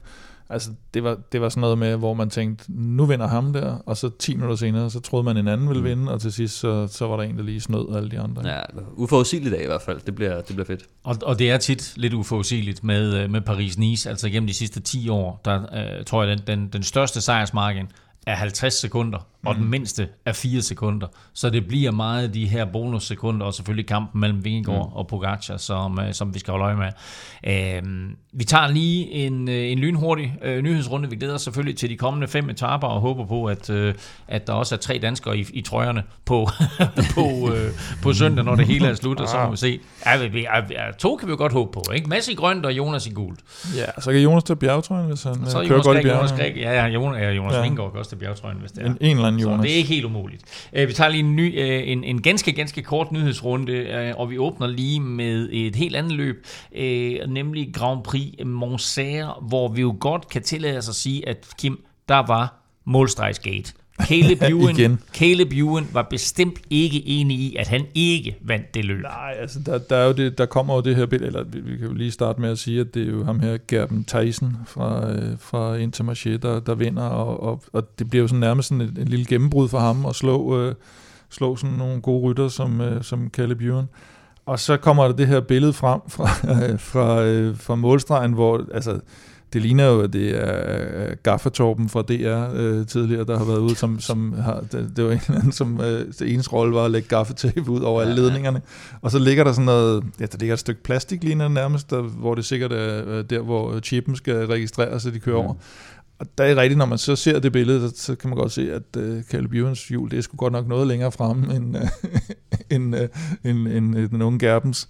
Så, uh, ja, så det synes jeg, så, så man... Når det her, trods alt om der når stregen først, ikke den, der kører først over stregen. Nej, så, så, så ser man så et, et lidt grynet øh, øh, hvad hedder det, målfoto, hvor man jo slet ikke kan se den hvide ring vil jeg sige. Øh, og, og det, det ser også lidt skævt ud, faktisk. Men... Ja, det var meget grynet og svært at se, og ja. ja det, det, det, det virker lidt som et løb, hvor der måske, man måske ikke helt leder op til de, øh, til de øh, krav, der bliver stillet for UCI i forhold til at kunne afvikle sådan et... Øh. Det var ikke lige så slemt, som da vi snakkede med, med Askren første gang, da han havde været nede og køre Istrian Spring Trophy, hvor de stod med stopur på nej, enkeltstarten.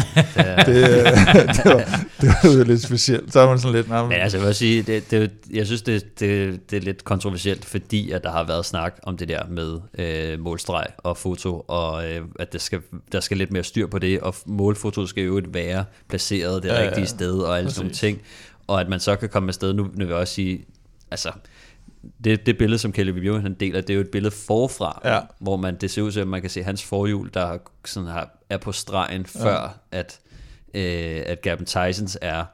Og det, som Elming også siger, det er jo ikke, hvornår, at, kan man sige, at hjulet rammer stregen, mm. altså sådan fysisk. Det er, hvornår, at, kan man sige, det forreste af dækket rammer sådan Ja, ja. ja, nå, anyways. Øh, det, Jamen, det, det, det, det, bliver nok ikke det, det, jeg prøver på at pointere, det var, at Caleb Ewans billede, det han har lagt op, der er han sådan 5-10 cm over stregen, så han kommer med meget fart, så kan han jo godt nå at komme foran ja, på det stykke der, ikke? Hvor, mm. hvor det, det, er jo, det er jo et halvt hjul, vi snakker om, og der kan jo godt, hvis man kaster cyklen og alle de her ting kommer med meget fart bagfra, så kan der godt ske lidt på, på sådan en halv øh, hjulbredde der. Ikke? Men, ja. Øh. Nu er det ikke verdens mest profilerede løb, det her, og, og den er også lidt ligegyldig i den store sammenhæng, når vi kigger på, hvad der ellers er løb rundt omkring. Men det er bare vildt nok, at vi her, altså nærmest år efter år, har mindst igen, en situation ja. Ja. med øh, sådan noget målstregsgate. Uh, du breakede den lidt i går for os andre, Kim, og så blev den faktisk helt officiel i dag, nemlig at 41-årige Domenico Bozzovivo har skrevet under på en uh, kontrakt med uh, pensionistklubben bedre kendt som Israel Premier Tech. ja, jeg vil sige, jeg, jeg breakede jo nok ikke desværre, fordi den har jo nærmest, jeg tror også, de skrev i deres uh, offentliggørelse. Det internt for os. Nå, okay, ja, så, har, så er det fordi, vi ikke har fulgt så godt med, fordi så er jeg også, at det her, det, var, det, det vil komme som en kæmpe overraskelse for alle, skrev de, og så sådan en smiley. Fordi ja, at, har, uh, alle, alle har talt om det i 14 dage nærmest, mm. at uh, han vil havne hos, uh, hos Israel. Uh, han er ikke 41 endnu. Han fylder 41 til november, så han er ret ung, no, no, no, faktisk. No. Øh, ej, han trækker stadigvæk. Selv på Israel trækker han gennemsnitsalderen op, og det skal der alligevel noget til. øh, han skulle egentlig, øh, så vidt jeg var orienteret, så øh, skulle han faktisk have været med i Tireno, men de kunne ikke nå at få, øh, få papirarbejdet færdigt med, med UCI, går ud fra med, med sæson.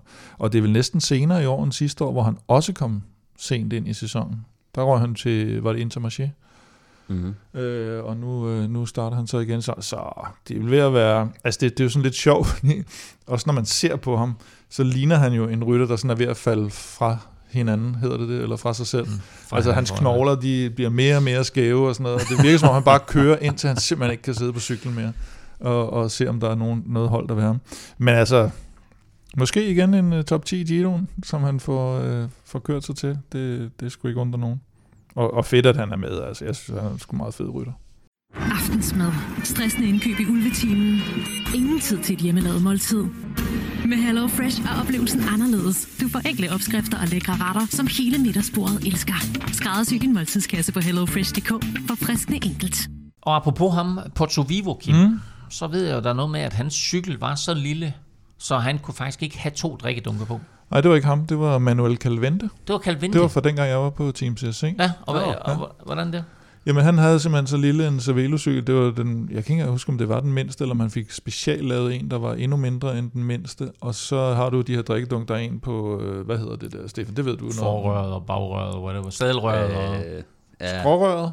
øh, nej, det er det der er skrå. ja, ja, nå, men, ja, det er det ene af dem. ja, der de sidder to en drikkedunk. Ja, ja. Og så den anden op til sadlen der, ikke? Ja. Cyklen var rød, tror jeg.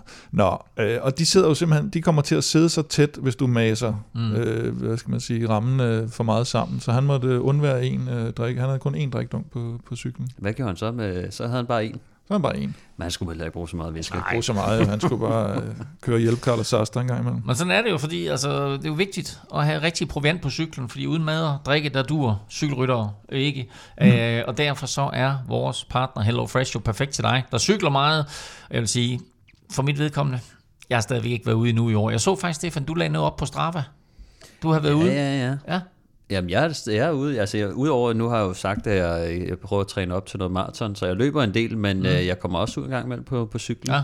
Og ude i dag, der er ikke så meget modvind i dag. Ah, du kom Ja, der på cykel i dag, men det var så ikke på raceren. Det var ikke så raceren, nej. nej. Jeg, jeg gider ikke for meget med koldt vejr længere. Det, jeg, jeg venter lidt til, til så jeg, jeg vælger mine kampe. Når jeg kan se solen en gang imellem, så, så ryger jeg lige ud. Men øh, Men har man været ude at cykle, og man kommer hjem, og man tænker, hvad skal jeg have at spise, og så går man over, og så køber man en pizza, fordi det er bare nemmest.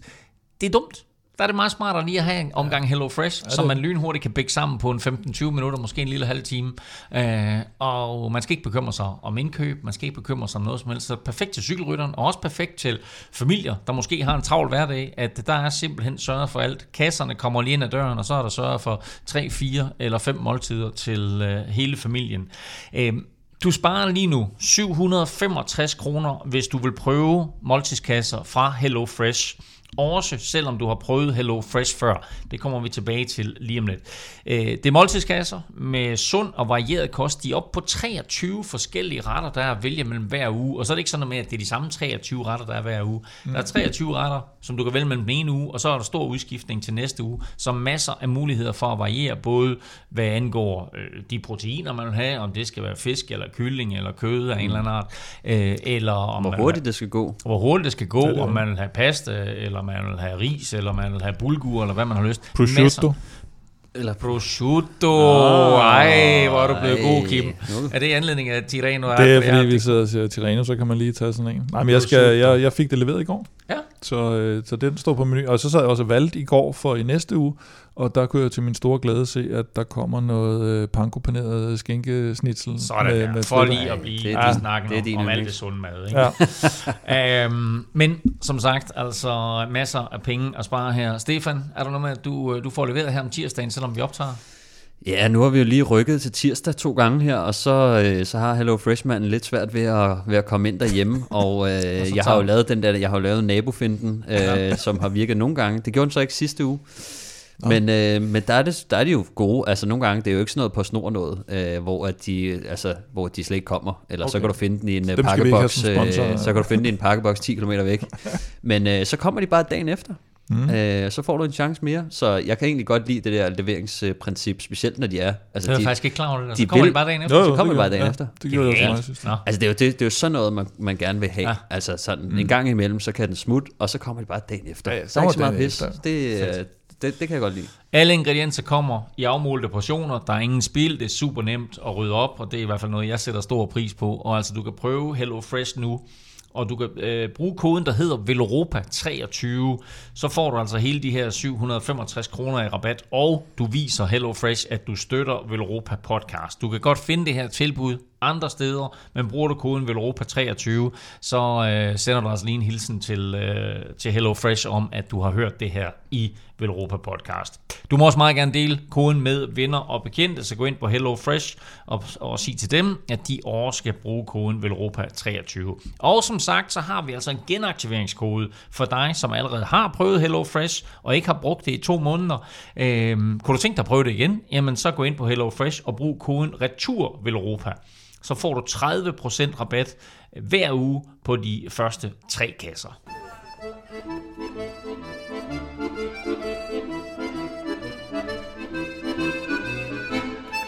Og mens vores primære fokus ligger på Paris-Nice og duellen mellem de to sidste års nummer 1 og 2 i Tour de France, så køres øh, Tirreno Adriatico i Italien, hvor Nå ja, Pogacar og Vingegaard faktisk blev der to sidste år. Øhm, men de kører altså i Frankrig i år, så hvem er de store favoritter, Kim, i Tirreno øh, i det løb, der startede i går? Øh, ja, jeg vil faktisk sige, at øh, for, no, for nogle tid siden, så læste jeg jo noget med, at Van der Poel og Van Aert diskuterer og også køre klassement dernede, men det tror jeg, de er gået væk fra. Det har vi i hvert fald set på de, på de første par etaper. Men man kan sige, at der er de her tre store hold, synes jeg, der ligger og, og kæmper lidt om det, og der har vi jo Jumbo, øh, som, øh, eller Jumbo Visma, som de retteligt hedder. Øh, og der har de jo faktisk fået øh, Primoz Roglic med.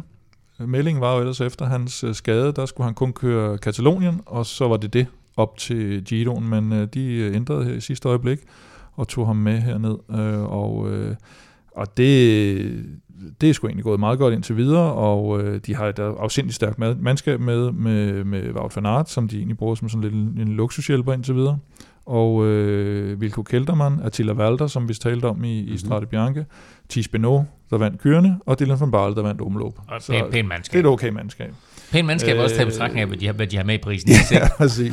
og så Ineos, som ikke har så godt med i, i Paris-Nice, vil jeg sige, men øh, der, når vi snakker formstærke, så, så Tom Pitcock, han er med hernede.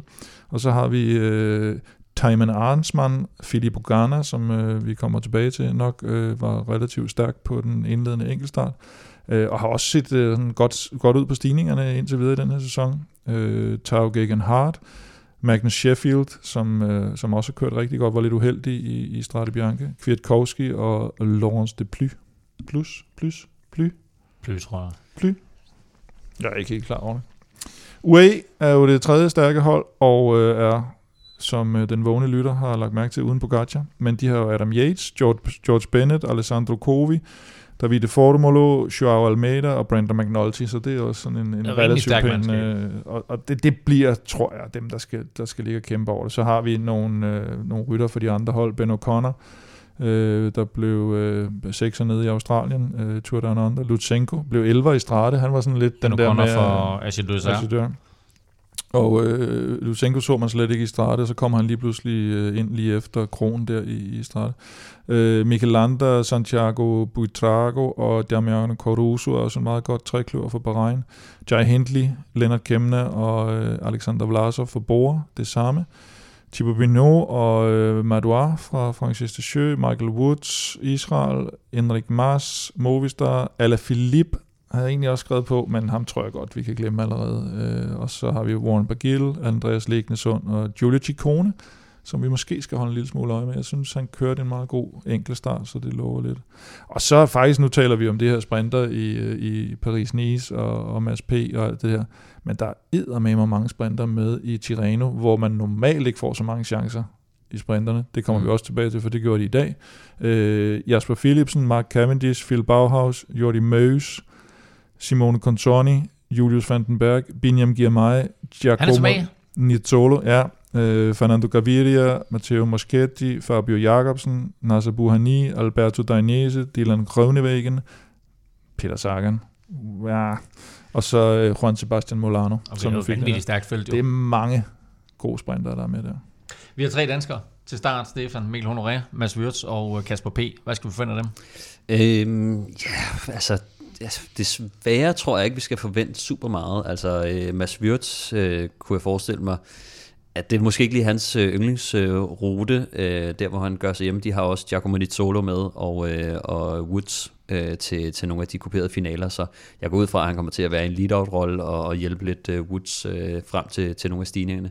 Så er der øh, Mikkel Honoré, som jeg vil sige, at rutemæssigt vil det normalt ikke meget godt til ham, øh, særligt hvis man kigger på 4. og 6. etape, synes jeg. Men vi har ikke helt set hans, øh, hans altså han har ikke sådan helt vist form endnu. Øh, så, så jeg forventer faktisk ikke, at han kommer til at gøre et stort væsen af sig. Vi så ham tage en bjergetrøje lidt, lidt, lidt, lidt tidligere i år, men, mm. men altså, vi har ikke set, øh, kan man sige, den styrke, som han normalt har øh, i, i foråret. I hvert fald ikke nu. Så det vil overraske mig, hvis, øh, men, men løbsmæssigt passer det godt til ham. Jeg synes, Kasper Pedersen er jo den, som jeg synes, der er mest interessant lige nu. Øh, fordi han har vist rigtig god form i, i nogle af de løb, han har været med for... Øh, Sudal Quickstep. Mm. Lød I mærke til det? Uha. Ej, det er fantastisk. Øh, men, øh, men de har jo, som Kim også siger, Julian Alaphilippe med, som er nok manden, de skal køre for, men formen har ikke sådan, han har vundet et løb, som jo er ret imponerende kørt, mm. men så har han også bare vist sig svingende i Drum Classic ja. og i Strade Bianche. Ja. Så vi, vi ved ikke rigtig, hvad han, gør, hvad han skal gøre. Men det, som jeg synes, der er mest spændende i forhold til Kasper Pedersen, de har jo Fabio Jakobsen med, øhm, og vi har talt lidt om det der Kasper Pedersen, lead-out-mand, øh, skal han gå ind og gøre en forskel for, øh, for Fabio Jakobsen her. De har jo selvfølgelig også Davide Ballerini med, som også er god. Mm. De har andre gode lead med, men det kunne være fedt at se uh, Kasper i, en, uh, i, i det her Ja, Mørkøv er jo ikke med på grund af en skade også, og skulle have været med. Præcis, så der så får det, han jo en chance, eller hvad skal man sige, for at vise Og vi så, ja. vi så allerede i dag, på anden mm. etape, ja, ja. at uh, Fabio Jakobsen, han vandt, altså et, uh, som du sagde, Kim, et stjernebesat felt, mm. hvor Fabio Jakobsen, han kommer ind uh, foran mm. Jasper Philipsen.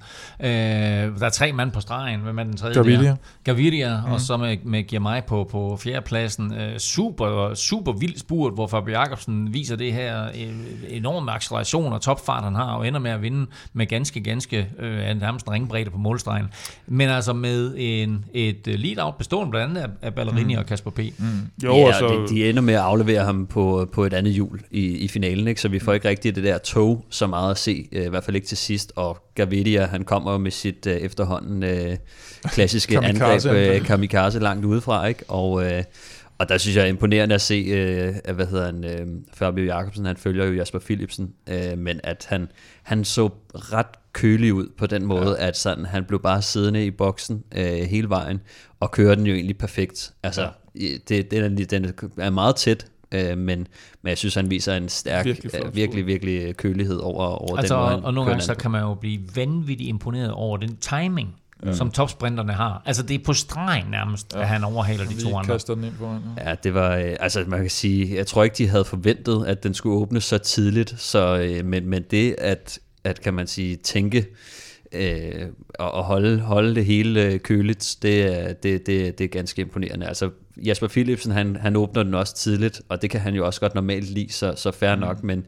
men den måde, som øh, Fabio Jacobsen, han bare sådan, kan man sige, siddende nærmest øh, sådan finder det rigtige hjul og finder det rigtige moment og sådan noget, og så kommer til sidst på stregen. Altså han er, han er farlig mand. Løbet det begyndte mandag, og det gjorde det traditionen tro med en enkelt start, og her vandt øh, Filip Pogana helt suverænt øh, 28 sekunder foran Lennart Kemna øh, på anden pladsen. Men det var en etape, en enkelt start, hvor der var enormt stor forskel, øh, afhængig af, hvornår man startede. Fordi halvdelen af tiden, der regnede det kraftigt, og den anden halvdel, der var der nærmest tørre veje.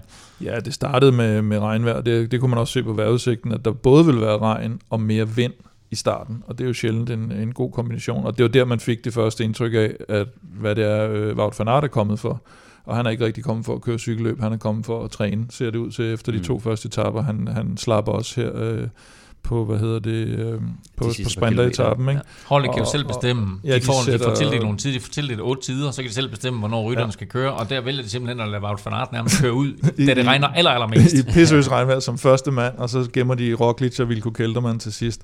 Og, og det, det viser noget om ambitionerne på hans vej, for ellers så, så har han jo haft en mulighed for at, at vinde etappen øh, med de enkeltstartsevner, han har. Og jeg mener, der var en, der skrev ind på Twitter også, at det var det dårligste enkeltstartsresultat, han har lavet, siden han kørte som junior. Så, mm. øh, så der er ikke de helt store ambitioner på den der, men altså det er rigtigt, øh, regnen væltede ned i, i starten, og så, så klarede det egentlig mere og mere op mod slutningen, hvor Garner så kørte som, jeg tror det var noget eller tredje sidste rytter og havde næsten tørre vej. Og det, der kunne have været lidt sjovt at se, det var øh, at se ham mod øh, Magnus Sheffield, som, øh, som faktisk bliver træer, til trods for, at han kører, mens det regner. Og det vil sige, da han kørte mod alle dem i regnvejr, der førte han med små 20 sekunder, tror jeg, til nummer to. Øh, det kunne have været sjovt at se dem duellere i, i ens forhold, fordi øh, Sheffield der, han, han fik altså virkelig øh, ravet en god... Øh, det er altså den her amerikanske-norske komet, som ja. øh, virkelig trådte ind på scenen. Han kørte en, så, en, en kanon enkeltstart, men blev altså trods alt distanceret af, af Filippo Garner. Ja, og man kan sige, at Garner vinder med 28 sekunder på 11 kilometer det er altså også øh, det er noget af en... Øh, Men igen, der spiller vejret altså også en, en hel ja. del ind. Til gengæld, nu nævnte du ham før, Stefan, Kasper P. i topform, det viser ja. han også point i starten.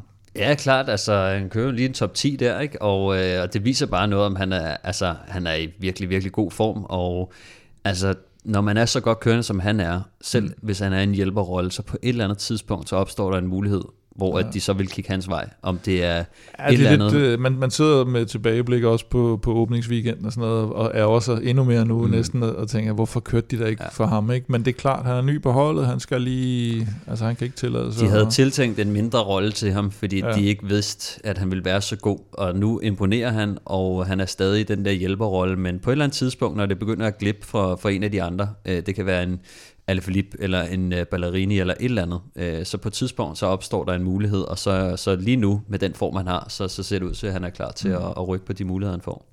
Ja, så Mads Wirtz, det var lidt ærgerligt. Han, øh, han var på vej mod en, en udmærket tid, ikke en toptid, men, øh, men må så skifte cykel øh, Ja, en kilometer en kilometer til målstregen. Ja. Og der så han heller ikke... Øh, skal vi sige, Og der han, tog han han, det stille og roligt derefter. han så ikke øh, uddelt begejstret ud Nej, det man øh, over skulle.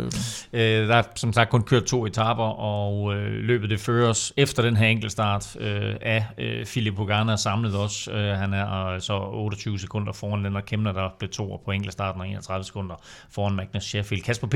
er faktisk røget et enkelt øh, tak op i hierarkiet, så han ligger faktisk øh, samlet nummer 8 i Og så faktisk vil, vil lige, øh, hvad hedder det, Van der Poel, som vi snakkede om i Strade Bianche, øh, kørte øh, fuld gas i gode betingelser på enkeltstarten, og, og en kort enkeltstart, det har han jo vist mange gange, at det, det, der kan han køre helt top. Blev to, så vidt jeg husker, på begge enkeltstarter i Giroen sidste år blandt andet, og har også kørt godt i Tour de France. Øh, og han er alligevel 50 sekunder efter Garner på 14. pladsen, og det viser igen, at han, han er ikke helt oppe i omdrejninger. Og faktisk Jasper Philipsens anden plads, det er jo Alpecins første podieplacering. Mm. Første podieplacering, og vi Jamen, er er også i marts crazy. måned. Ja. Og sidste år vandt de sådan noget, var det 34 sejre, og Danmark havde har allerede 14 vundet, sejre. Ja, nå, men altså, Alpecin har Danmark, i top 3. Alpecin, 14-0. Ja, det er ikke engang højt, det er, vand, det er Stor vanvittigt. sejr. To gange, Øh, to gange, Stefan, to gange øh, Liverpool Prøv lige en hurtig... øh, Løbet her, det slutter jo også søndag, ligesom Paris Nice. Ja. Øh, de har så heldigvis valgt at lægge alle de her etaper, sådan så løbet er færdigt cirka en time før Paris Nice øh, slutter hver dag. Øh, hurtig gennemgang af resten af etaperne i ugens løb.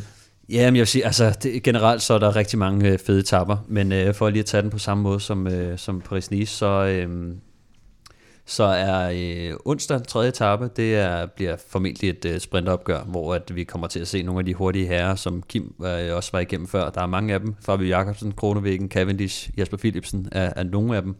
Øh, når vi kommer til torsdagens øh, fjerde etape, så ligner det en forholdsvis nem øh, etape ind til finalen, hvor at de skal ind og køre fire omgange, hvor at der er en, en øh, stigning på 3 km.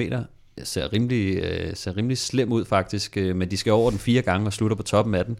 Så det bliver et, øh, et spændende opgør, hvor det både er klassementsrytterne, øh, som skal i spil, men kommer også til at være sådan en, hvor vi kan se, øh, er det Ala, er det Mathieu van der Poel, Wout van Aert, kan de være med på sådan en, eller altså, har de formen til det, og vælger de at gøre det, så, øh, så kunne det blive ret interessant. Femte etape om, om fredagen, der er, det er en bjergetap, og den slutter på et 13 km langt øh, hårdt bjerg, hvor at det så bliver, kan man sige, den, den øh, klassementskampen, der bliver sat ind af, og igen, som Kim var inde på, der er rigtig mange øh, stærke øh, bjergrytter med i budet der. Øh, lørdagens øh, 6. etape, kuperet hele dagen, og ligner sådan på papiret en, en, en ret vild dag også. Øhm, der, kan, der kan ske rigtig mange ting, og, og det kan jo igen blive sådan en, hvor at der kan der, der er sådan to kampe, der er om, om etappen og, og klassementet. Øh, det, det er ikke til at sige, men, øh, men det går op og ned hele dagen, så, så også en spændende etape der. Søndagen, øh, der vil jeg nok slå over på Paris-Nice øh, generelt, fordi at der bliver et sprintopgør i Tirreno øh, formentlig, så, øh, så der, der vil jeg nok øh, vælge øh, at bare holde øje med Paris-Nice. Øh, men altså igen, må- det bliver spændende at se. Øh, mm. bliver spændende at se. Jeg vil i hvert fald tune ind til spurten igen, men, øh, men ellers så er det en forholdsvis øh, stille og rolig dag. Og mens uh, Tirreno jo ofte har budt på rigtig godt vejr her i, i start marts, så, og man har set uh, Paris-Nice være, være lortevejr, så mm. har det jo... Jeg vil ikke sige omvendt, for det har ikke været godt vejr i Paris-Nice, men det har godt nok været meget, meget ringe vejr. Ja, det var- og, norm- og ringere vejr end, end normalt i, i Tirreno, og det har også set ganske, ganske koldt ud. Uh, nu skal vi til gengæld fra noget koldt til at se, hvem af jer to, der er brandvarm. Og nu skal vi have fundet vinderen af dagens quiz. Enten bringer Skib sig foran 4-2, eller også udligner Stefan til 3-3. Eller også er der faktisk slet ikke nogen af jer, der får point. Øhm, og Stefan, der er noget med, at du havde faktisk, jeg vil ikke sige forberedt dig, men du havde måske en forventning om, at quizzen kunne indeholde, og det havde så været et klassisk øh, Ole, Ole Ritter-quiz, hvor Ole Ritter havde været rigtig svar. Ja, netop. Altså, øh, fordi at øh, nu, jeg er jo vant til, at Kim han forbereder sig mega meget på quizzen, og øh, jeg glemmer altid at gøre det. Og øhm, så den her gang, så tænker jeg, lad mig lige prøve at se noget Paris-Nice, øh, og så finder jeg ud af, at vi har aldrig haft en dansker på podiet i Paris-Nice sammenlagt. Så det var sådan lidt, åh, og vi har alligevel haft nogle etappesejre. Men så så jeg, at øh, Mads Pedersens gule trøje, det var den første gule trøje siden Ole Ritter for 50 år siden, lidt mere end 50 år siden. Og så tænker jeg, wow, det var der en statline, der ville noget. Og så tænker jeg, det er helt sikkert Elmings øh, quiz. så den havde jeg ligesom i baghånden. Derfor har jeg, jeg, ville også, vi burde måske have sagt lover det. dig, Havde, havde, havde jeg hørt den der stat, Ja, ja, så ja. tror jeg næsten med garanti, at det var blevet ja, Det, er quiz. det, så, det, det, handler om, det handler jo ikke så meget om at svare rigtigt. Det handler om, hvem har forudsagt, Hvem øh, hvem inde i Elming han Elmings tænkte hoved? på. Ikke? Ja. Nå, spørgsmålet er, hvordan du svarer på dagens quiz. Du har faktisk serveretten, uh, Stefan. men Du- den er jo ligegyldig du, i Du kan dag. svare Øh. først, eller du kan give den til Kim. Øhm, vil du, vil du svare? eller vil du ikke svare. Spørgsmålet var jo, øh, hvor mange gange har vi haft en dansker på podiet i Tirreno Adriatico? Mm. Øhm, og jeg vil så give dig den lille hjælp her. Ej, hvor er det bare typisk. Du behøver ikke give mig hjælp, hvis det er, hvis det er Kim, han skal brokke sig på den der. Så behøver jeg ikke. Er du sikker på, at du ikke vil have hjælp? Altså, det er ikke en hjælp til svar. Det er ikke sådan noget, det er hvis, en hvis, hvis hjælpen er, at det er, det er både kvinder og... Nej, nej, nej, nej. øh, Jeg tror ikke, de kører så meget kvindetri. Okay, Okay, det, nej, nej, men du skal Okay, lige hvis passe. du, hvis du vil køre fair play, absolut ingen Altså, det, det, Ingen har hjælp. ikke, det har ikke noget med... Ingen hjælp. Ingen hjælp. Godt, så, så fint. Vil du svare, eller vil du lade Kim svare? Jeg svarer. Godt. Og vi er enige om, at det svar, jeg siger, mm. hvis Kim han siger det samme, Det så er det mig, der ikke. vinder. Det ikke? kan han ikke. Nej, det kan han ikke. Godt. Jeg, jeg siger fire. Ja, tak. Du siger fire. Det er i hvert fald det, jeg kan huske. Ja. Ja, det er, i hvert fald, det er minimum to. Så meget kan jeg da i hvert fald konstatere. Gud. Gud, hvad? Du har ingen anelse. Nej, jeg har, ikke, jeg har overhovedet ikke nogen anelse. Øh, jeg tænker 1, 2, 3, så siger jeg 3. Godt. Um, der er ikke nogen af jer, der har ret. Fuck. Så øh, Er det fem? det er din aktie 5. Der Vil du have givet mig den f- før Rolf? Nå, nej, nej, nej, nej, fordi Rolf har vundet to gange, men han har også en tredje plads. Ah, jeg troede kun, oh, Rolf havde... Og så har Vingegaard været på podiet, og Fuglsang har været på podiet. Ah, okay, jeg troede ikke. Så det er, det er fem i alt. Ja. Så dermed så er stillingen altså fortsat øh, 3-2. Nej, du skulle taget imod hjælpen, fordi så har jeg sagt til dig, at hvis du lader Kim svare først, så får du at vide, om det er mere eller mindre end Kims svar. Mm, nej, det havde også været meget frækt faktisk. Ja. Det havde, den er jo så sten... Nej, den, Ja, det- du, er- du, sagt Kim har sagt to eller tre jo. Ja, ja. Og, og det sjove er jo, at du ved, at Rolf har vundet to gange. Ah, men jeg havde Og, sagt... han, og tidligere i udsendelsen, så havde... Nej, jeg vidste ikke, Rolf havde vundet to gange. Jeg, troede, jeg kunne faktisk kun huske, at han havde vundet en gang, og plus en tredjeplads. Jeg kunne ikke huske, at han havde Nå, vundet to okay. gange. Det var derfor, jeg sagde mindre. Har han vundet to gange? Ellers Det ville jeg så- heller ikke. Det håber jeg da. Ellers ville jeg have sagt Men jeg troede, jeg troede, han havde været to gange på podiet. Ja. Ja. Og så tænkte jeg, så er der Fuglsang og Vingegaard. Og så tænkte jeg, og så er der helt sikkert et eller andet, Leif Mortensen, eller et eller andet, har jeg Dennis så givet Ritter noget, eller et eller andet. Ja, men jamen, jeg, jeg kan jo ikke huske det, så jeg kan jo ikke bare Så der var det. desværre ikke noget point til. Altså, Kim han fører stadigvæk 3-2. Det synes jeg er fair. Øh, se på lysside. Stefan, du har stadigvæk serveretten i næste uge.